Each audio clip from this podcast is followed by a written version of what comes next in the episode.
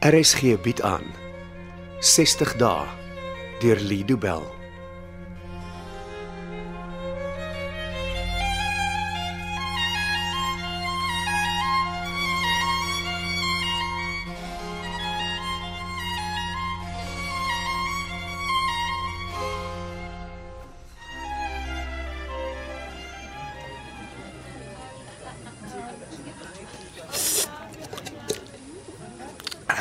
Ag nee, Dennis man.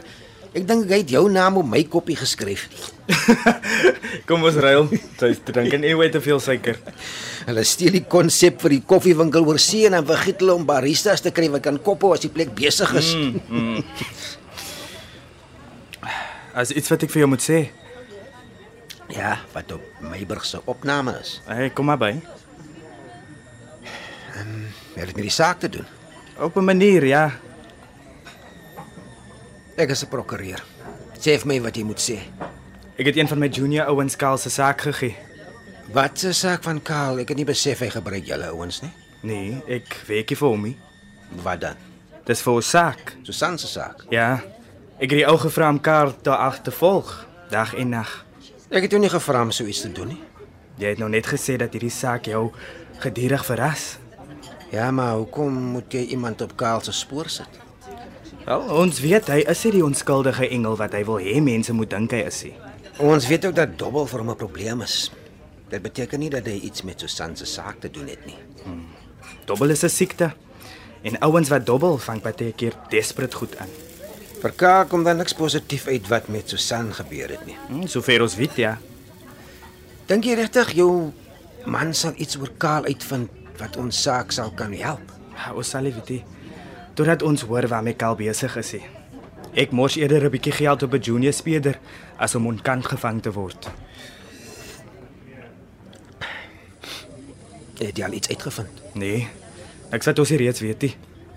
Ek het nie gedink hy sou nie.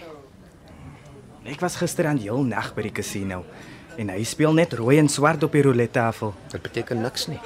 Iemand wat so speel, is nie daar vir die lekkerste nie. Hy probeer groot wen. Elke keer wat hy speel, probeer Kalsel jy om sy geld te verdubbel. Ek wonder hoekom hy skielik geld nodig het. Dalk vind my speler nog vir ons uit. 'n Prokureur met 'n dobbelprobleem kan 'n gevaarlike vent wees.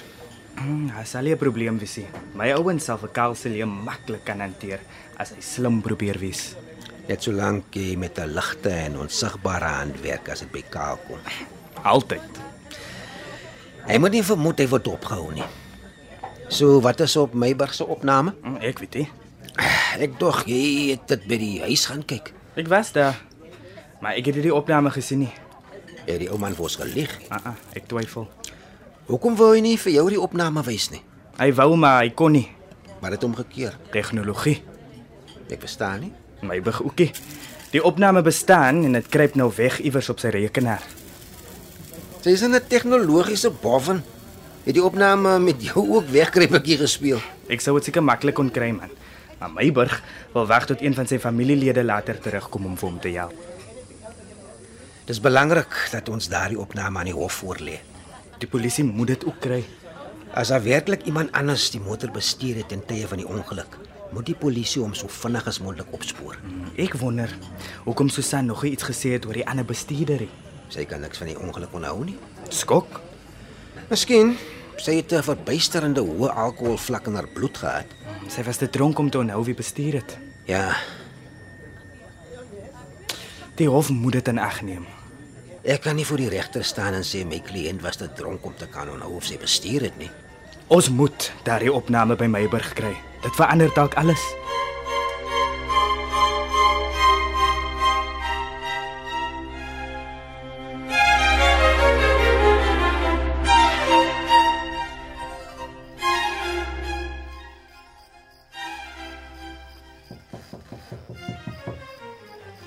Kom in, Lauren. Hy het jy nog op dit as ek by klop. Wie anders kom kuier in die middel van die nag vir my in my kamer? Ek weet nie, miskien een van die wekers of miskien Dr. Loos. Magda was nog net een keer in hierdie kamer en sy klop nie. Is nog steeds my weird dat jy vir Dr. Loos op haar naam noem. Maar sy verkies dit. Okay, wel volgende keer gaan ek ook vir Magda sê. Ek twyfel of sy daarvan sal hou. Ek mag aan vir jou Susan sê, Maar jy's nie my pasiënt nie. maar jy is dokter Louis se pasiënt. Dis Ah, te laat in die nag vir my om oor dokter-pasiënt protokol met jou te wil redeneer. Jy gebruik altyd sulke hoë woorde. Hoë woorde? So ek sou nou gesê het stry, maar nie jy sê redeneer. ek sal dit onthou volgende keer as ek met iemand wil redeneer. Jy snaaks, Lara. Ek weet nou nie as jy nou besig om vir my sleg te sê. Nee, nee, nee, ek bedoel dit op 'n goeie manier. Regtig. Jou lewensbeskouing is net glad nie dieselfde as myne nie. Nou ek sou so hoop, ja. Mens leef altyd so in jou eie spasie, het jou huis en jou werk en die een of twee dinge wat jy buite daai ruimte doen. Hmm.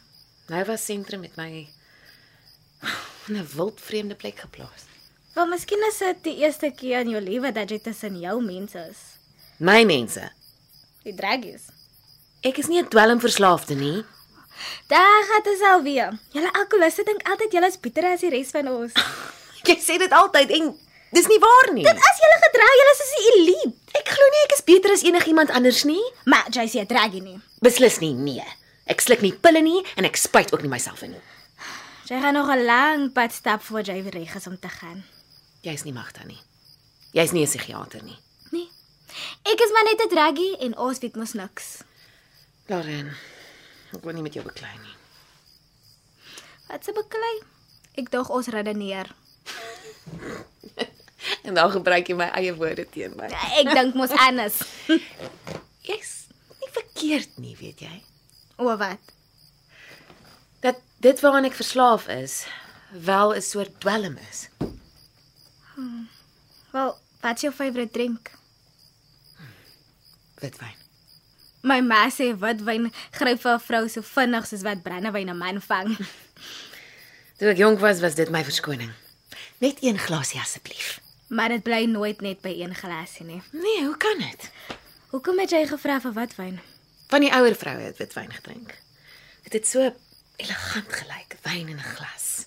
Alle dwelms lyk maar elegant aan die begin, lekker. As ek by partytjies rondloop en my wynglas aan sy lang steel vashou, het ek soos Audrey Hepburn gevoel. Soos wie? Audrey Hepburn, maar jy's te jonk om haar te ken. Ek het spesiaal gevoel as ek op 'n partytjie met my glas wyn uithang. Die wyn het seker ook gehelp om jou beter te laat voel. Ja, Hm. terwyl ek dit gedrink het. Maar as ek in die vroeë oggendure wakker skrik, was dit nie lekker nie. Ja, ek sukkel ook om te slaap. Dit gaan maar rof met die meeste van ons in die nag, veral as jy eers opgehou het. Ek het leen bewe. Die lakens was vannag sopnat gesweet. Maar ek dog dokter Loos het vir jou die regte pille gegee. Sy sê dis die beste wat sy vir my kan doen. Miskien worry sy dat jy aan die medisyne verslaaf gaan raak. En intussen lê ek hier in die bed en my brein weier om te slaap. Maar jy moet slaap is belangrik as jy van jou verslawing wil ontslae raak. Maar wat as ek nie wil nie, Lauren? Wat as ek regtig nie wil ophou drink nie? Maar jy sê nie.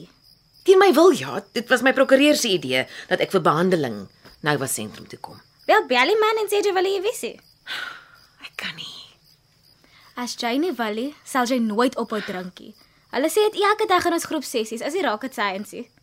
As ek myself ontslaan sonder die hof se toestemming, moet ek dadelik tronk toe. Dis een van die voorwaardes aan my borgtog. Maar kry dat jou prokureur met hulle praat en dit oukei maak. As jy nie hier wil wees nie, gaan niks verander nie. Dis nie so maklik nie. Ja, dit is. As jy nie vra nie, sal jy nie kry nie. Kan ek jou vertrou met 'n groot geheim? Ja. Ek het vanmiddag 'n spesiale sessie met Magda gehad. Ja, almal het gehoor hoe roep hulle jou op die speakers. Dit was oor die saak teen my. En was dit goeie nuus? Ek het ook so gehoop, maar ek mag nie met my prokureur gepraat het nie.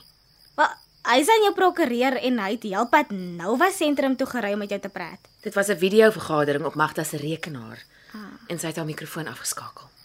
Weet jy, daai vrou is op 'n regte power trip. Hoekom mag jy nie met hom praat nie? Want blykbaar is my behandeling nou op 'n delikate stadium. Dit is altyd delikaat by hierdie plek.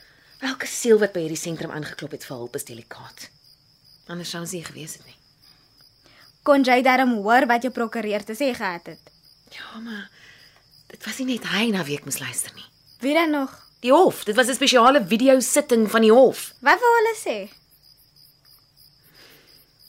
Die vrou wat ek raak Hm? gery het. Dis gisteraand in die hospitaal dood.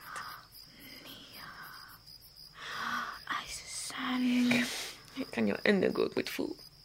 Nou, nou is dit 'n moordsaak. Nee, strafbare manslag. Hulle het die videovergadering gereël om die klag teen my te verander. Okay, en wat beteken dit vir jou? As ek skuldig bevind word, is die straf veel erger. 'n Langer tyd in die tronk, baie langer. Hy Susan, wat gaan jy doen? Ek gaan my straf vat, Lauren, soos ek moet. Dis my eie skuld. Ek het dronk bestuur en 'n jong vrou is noodlottig beseer. Ja, nee. maar jy het dit as prins gedoen, Maar ek nie? het dit gedoen. Ek het bestuur. Ek was dronk en nou is iemand dood. Wat sê jou prokureur? Ek weet nie, Magda wou nie toelaat dat ek privaat met hom gesels nie. Nee, uh, uh, daai klinkie vir my reggie. Reg of verkeerd maak nie meer saak nie. Na die ongeluk is ek nie meer in beheer van my eie lewe nie. Vir jy homo's, hoe ons in die groep sê, gee jou oor aan 'n hoër gesag. Ek weet ja, laat wees wat moet wees en al die ander gesegdes wat hulle gebruik. Jy sê goed van hulle weg. Dat al duisende mense hier op hou drink.